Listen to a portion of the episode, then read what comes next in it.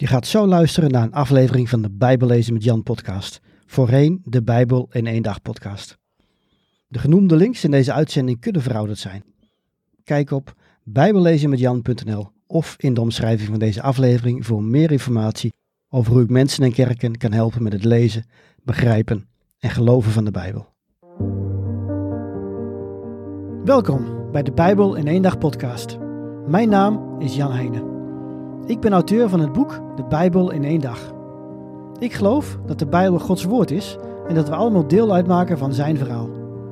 De Bijbel is ook een vreemd boek soms. Ik help christenen de Bijbel te lezen, te begrijpen en te geloven. Op de Bijbel in één dag.com kun je het e-book De Bijbel in één dag gratis downloaden. Ook kun je de paperback bestellen of je inschrijven voor een van mijn cursussen of seminars. Oké, laten we met de aflevering beginnen. In de vorige afleveringen van de podcast hebben we de Bijbelboeken de Evangelie besproken. En nu gaan we verder met Handelingen. Handelingen is het vervolg op de Evangeliën en in het bijzonder op het Evangelie van Lucas. Deze arts, die vele ooggetuigen interviewde over Jezus, schreef naast zijn Evangelie dus ook het boek Handelingen. Net als in zijn eerste boek richt hij zich tot Theophilus. Wie deze man was, is niet bekend. Zijn naam betekent iemand die God lief heeft. Wellicht was hij een hooggeplaatste Romeinse ambtenaar. Het staat wel vast dat zowel Lucas als Handelingen niet voor deze ene man zijn geschreven. Lucas' doelgroep was veel breder. Hij wilde iedereen bereiken met het goede nieuws. Waarschijnlijk is dit boek geschreven rond het jaar 60. Toen zat Paulus namelijk voor het eerst gevangen en het boek eindigt met die gevangenschap. Paulus' vrijlating, zijn tweede gevangenschap en zijn marteldood worden niet beschreven. Ook de moord op een andere belangrijke figuur, Petrus, komt niet voor in handelingen en evenmin de val van Jeruzalem in het jaar 70. Handelingen betekent acties of daden. In veel Bijbelvertalingen wordt dit Bijbelboek vaak de handelingen van de apostelen genoemd. Lucas vertelt wat de apostelen zoal doen en meemaken, maar eigenlijk gaat het niet direct over hen. Het gaat veel meer over wat de Heilige Geest door hen heen doet. Dit is wat Lucas duidelijk wil maken. In een wat meer letterlijke vertaling staat er in het eerste vers: Het eerste boek heb ik gemaakt, o Theophilus, over alles wat Jezus begonnen is te doen en te onderwijzen. Als het evangelie van Lucas gaat over wat Jezus begon te doen, dan gaat handelingen dus over wat hij na zijn opstanding deed. Alleen maakt Lucas direct duidelijk dat Jezus zelf het opgenomen in de hemel en dat niet veel later zijn geest in zijn volgelingen kwam wonen en hen de meest wonderlijke dingen liet doen en zeggen. Ook wordt duidelijk dat God niet alleen aan het volk Israël geeft, maar dat ook mensen uit andere volken deel mogen uitmaken van zijn koninkrijk. Laten we niet op de zaken vooruitlopen. Lucas opent zijn verhaal met te zeggen dat gedurende 40 dagen na zijn opstanding Jezus aan de leerlingen en andere volgelingen blijft verschijnen. Hij spreekt met hen over het koninkrijk van God. Nog steeds begrijpt niet iedereen dat zijn koninkrijk niet van deze wereld is. Ze vragen hem of hij nu snel Israël in ere zal herstellen. Dat is niet aan jullie om te weten, antwoordt Jezus. Maar wanneer de Heilige Geest over jullie komt, zullen jullie kracht ontvangen en van mij getuigen in heel Jeruzalem, in heel Judea en Samaria tot aan de uiteinden van de aarde. Het goede nieuws van Jezus' offer moet zich dus over de hele wereld verspreiden. En nadat hij dit had gezegd, werd hij opgenomen in de hemel. Dit plaatje dat Lucas hier schetst, doet denken aan een visioen dat de profeet Daniel kreeg. Iemand die leek als een mens, werd op de wolken naar de hemel gebracht voor Gods troon. En hij kreeg alle macht, eer en koningschap. Staat in Daniel 7. De leerlingen moeten dus wachten.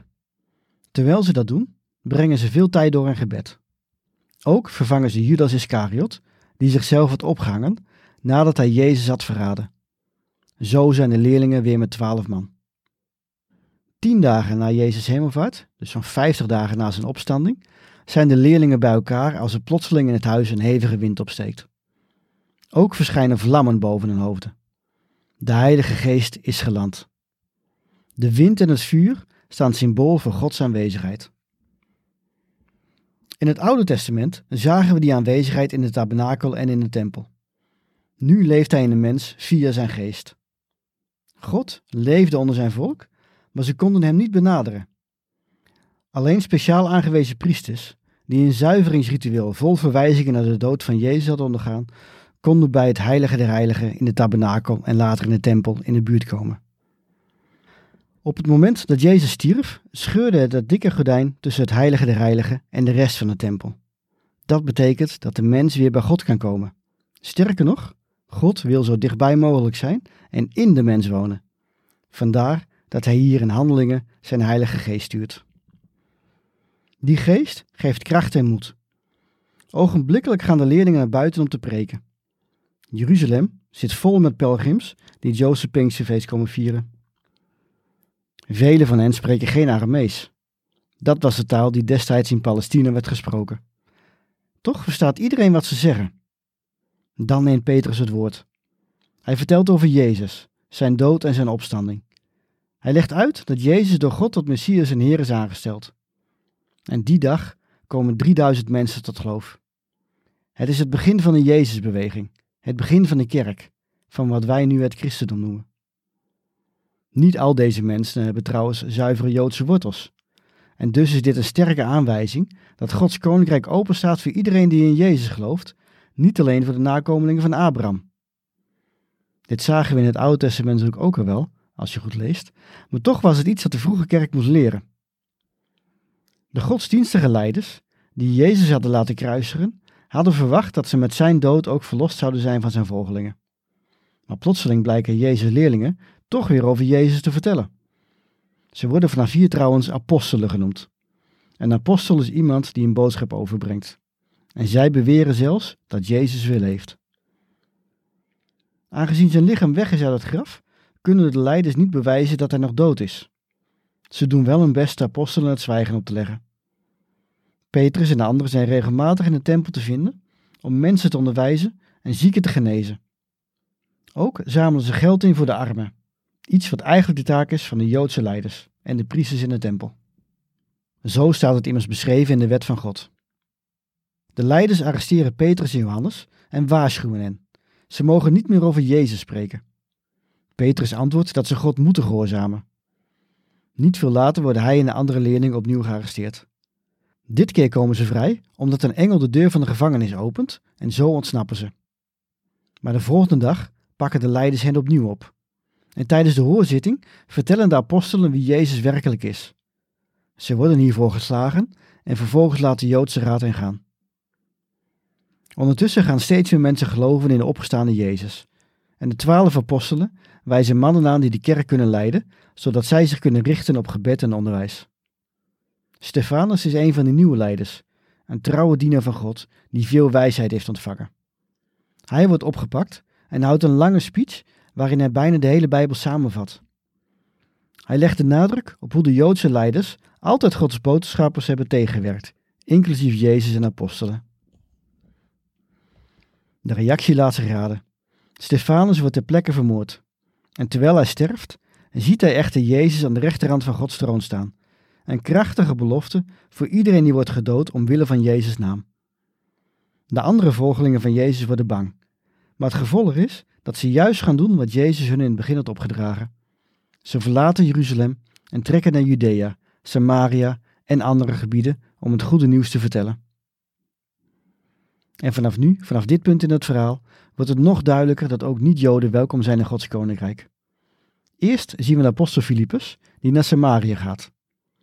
Onderweg leidt de Heilige Geest hem naar een Ethiopische ambtenaar, die tot geloof komt en zich door hem laat dopen. Daarna trekt hij verder en overal waar hij komt, leidt hij mensen tot Jezus. Dan verschuift het verhaal plotseling naar Saulus, die later Paulus wordt genoemd. Laten we hem voor het gemak vanaf nu alvast Paulus noemen. Deze Paulus is een godsdienstige leider, een gedreven man en een harde werker. Hij doet extra zijn best om mensen die de weg volgden, zoals de christen zich toen noemden, de weg, te laten arresteren. Onderweg naar Damascus wordt hij plotseling verblind door een fel licht. Tegelijk hoort hij de stem van Jezus, die aan Paulus vraagt waarom hij hem vervolgt. Paulus krijgt zijn gezichtsvermogen pas enkele dagen later terug, als een volgeling van Jezus naar hem toekomt en de handen oplegt. De apostelen zijn nog steeds bang voor hem, maar na een tijdje leren ze om hem te vertrouwen. En net als zij gaat Paulus publiekelijk vertellen dat Jezus weer leeft. En ongetwijfeld zegt hij er ook bij dat hij hem heeft ontmoet op de weg naar Damascus. Ondertussen maakt God door een visioen aan Petrus duidelijk dat ze groter moeten denken en dat ze ook de heidenen, oftewel alle niet-Joden, moeten vertellen over Jezus. Een Romeinse legerofficier laat Petrus komen. Hij heeft een goed hart en probeert God te dienen. In een droom heeft God hem verteld dat hij Petrus moet laten halen. En nu is het Petrus pas echt duidelijk dat God geen onderscheid maakt tussen Joden en heidenen. En terwijl hij preekt in het huis van de Romein, daalt de Heilige Geest neer op de aanwezigen. Maar nog steeds niet iedereen begrijpt dat Jezus ook is gekomen voor de niet-Joden. Jezus' volgelingen, die zijn uitgewaaid, vertellen het goede nieuws uitsluitend aan de Joden in die landen en provincies. Behalve in de stad Antiochië. Dat was de hoofdstad van Syrië in die tijd. Tegenwoordig ligt deze stad in Turkije. In Antiochië krijgen ook Grieken het goede nieuws te horen en velen komen tot geloof. Hier worden Jezus' volgelingen voor het eerst christenen genoemd. En Paulus en Barnabas dienen deze nieuwe gemeente als leiders.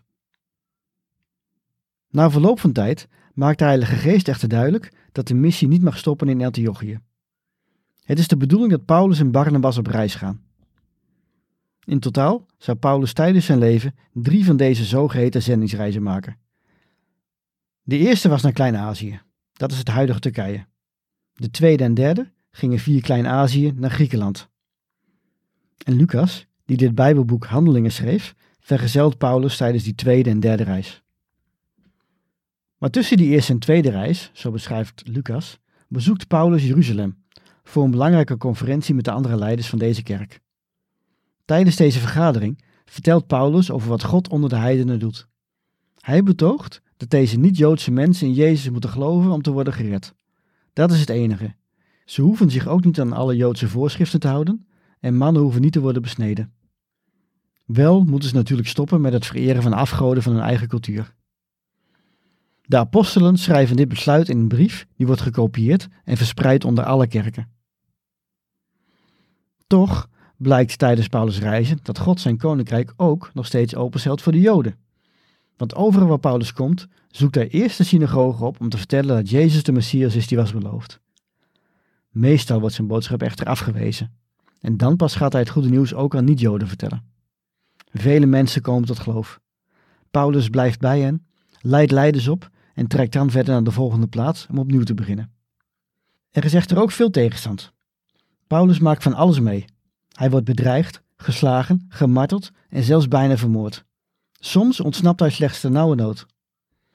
Trouwens, niet alleen de Joden zijn tegen zijn boodschap. De Romeinse heersers vonden hun eigen goden veel belangrijker en ook een eigen keizer werd vereerd als god. En de autoriteit van de keizer mag niet ter discussie worden gesteld. Paulus wordt dan ook meer dan eens gearresteerd, maar iedere keer als hij wordt verhoord, blijkt er geen militaire of politieke bedreiging te vormen en laten ze hem weer gaan. Na zijn derde en laatste zendingsreis gaat Paulus naar Jeruzalem. De Heilige Geest vertelt hem dat hij daar zal worden gearresteerd en aan de heidenen, lees de Romeinen, zal worden uitgeleverd. Iedereen voelt aan dat het deze keer anders zal zijn dan de vorige keren en de christenen proberen Paulus over te halen niet naar Jeruzalem te gaan. Paulus wil echter trouw blijven aan de opdracht en gaat toch naar Jeruzalem. Daar pakken de Joden hem inderdaad op. Dat zorgt voor zoveel tumult in de stad dat de plaatselijke Romeinse leider zich gedwongen ziet in te grijpen om zo een opstand te voorkomen. Hij denkt dat Paulus een rebel is die met 4000 andere mensen de woestijn in was gevlucht. Op de trappen van het gerechtsgebouw maand de Romeinse leider het volk om stil te zijn. En Paulus krijgt de gelegenheid om de Romeinen en Joden te vertellen over zijn leven en hoe hij tot geloof in Jezus is gekomen. De Joden worden hier echter weer onrustig van en de Romeinen nemen Paulus mee naar binnen. Ze willen hem zweepslagen geven tijdens zijn verhoor. Maar dan onthult Paulus dat hij het Romeins staatsburgerschap heeft. Romeinen hebben meer rechten dan de onderworpen volken en de leider laat Paulus ogenblikkelijk losmaken. Wel stuurt hij Paulus naar de gevangenis. Paulus moet terecht staan. Eerst voor de Joodse Raad, later voor verschillende Romeinse rechtbanken, tot in het Hooggerechtshof in Rome aan toe. En iedere keer getuigt hij over Jezus. Uiteindelijk zit hij jarenlang gevangen, maar niet altijd in een cel met tralies. In Rome wordt hij bijvoorbeeld onder huisarrest geplaatst. In deze periode van gevangenschap schrijft hij een aantal van zijn brieven. Deze brieven vinden we verderop in het Nieuwe Testament. Ook mag hij in zijn huis mensen ontvangen en blijft hij het goede nieuws over Jezus vertellen. Zo eindigt handelingen nogal abrupt. Met Paulus die nog niet is berecht, maar wel doorgaat met het doen waarvoor Jezus hem jaren eerder riep op de weg naar Damascus. In de volgende afleveringen, als we de brieven van Paulus gaan bespreken, zal ik je vertellen over wat er verder gebeurde met Paulus. Maar laten we nu eerst een samenvatting doen van de evangeliën en van handelingen. Want in die vier evangeliën verschijnt dan eindelijk de beloofde Messias. Hij is een koning, zoals David ook een koning was. Maar anders dan David is Jezus koninkrijk niet van deze wereld. Hij is de koning van Gods koninkrijk. Hij is God en mens tegelijk. Hij leefde zonder zonde. Om te bewijzen dat hij Gods zoon was, deed hij wonderen en tekenen. Ook gaf hij veel onderwijs over God, over hoe mensen moeten leven en over hoe ze het koninkrijk van God binnen kunnen gaan. Dat kan door in Jezus te geloven. Dat betekent dat hem moet vertrouwen, dat je je eigen leven in dienst stelt van hem en hem volgt. We zien dat in de evangelie de meeste mensen Jezus niet geloven. Ze willen iemand die de Romeinen wegjaagt, iemand die voor eten zorgt en de zieken geneest. Ze willen helemaal geen leidende dienaar. Toch is dat wel wat Jezus is. Alle voorspellingen in het Oude Testament over Jezus komen uit in het Nieuwe Testament. De Joodse leiders beramen een complot om Jezus ter dood te brengen. Jezus laat hen hun gang gaan. Hij is in staat om te ontsnappen, maar doet het niet. Hij wordt niet gedood, maar hij legt zijn leven zelf af. Hij wordt gemarteld en sterft. Die fysieke pijn is niets vergeleken bij het echte offer dat hij brengt. Jezus drinkt namens ons de beker met Gods toren. Urenlang is hij afgescheiden van zijn hemelse vader. Hij wordt geslacht zoals de Israëlieten met Pasen een lam slachten, om zo te herdenken hoe God hen uit Egypte bevrijdde. Maar op dezelfde manier bevrijdt Jezus ons uit het land van de zonde. Jezus' offer is compleet en er hoeft nooit meer te worden geofferd, want Jezus heeft de straf voor de zonde van de wereld op zich genomen. Dat de overwinning is behaald, bewijst Jezus door na drie dagen uit de dood op te staan. Hij verschijnt aan zijn volgelingen. Die hebben eerst moeite met hem te geloven, maar Jezus overtuigt hen ervan dat hij echt weer leeft. Hij is geen geest, maar opgewekt uit het graf. Na veertig dagen stijgt Jezus op naar de hemel. Hij geeft de leerlingen de opdracht te wachten op het moment dat de Heilige Geest komt. Daarna moeten ze over de hele wereld het goede nieuws gaan vertellen. Dat Jezus in onze plaats is gestorven en dat iedereen die in Hem gelooft het Koninkrijk van God kan binnengaan.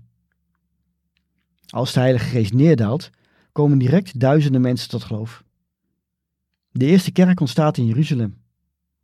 Er volgt ook tegenstand.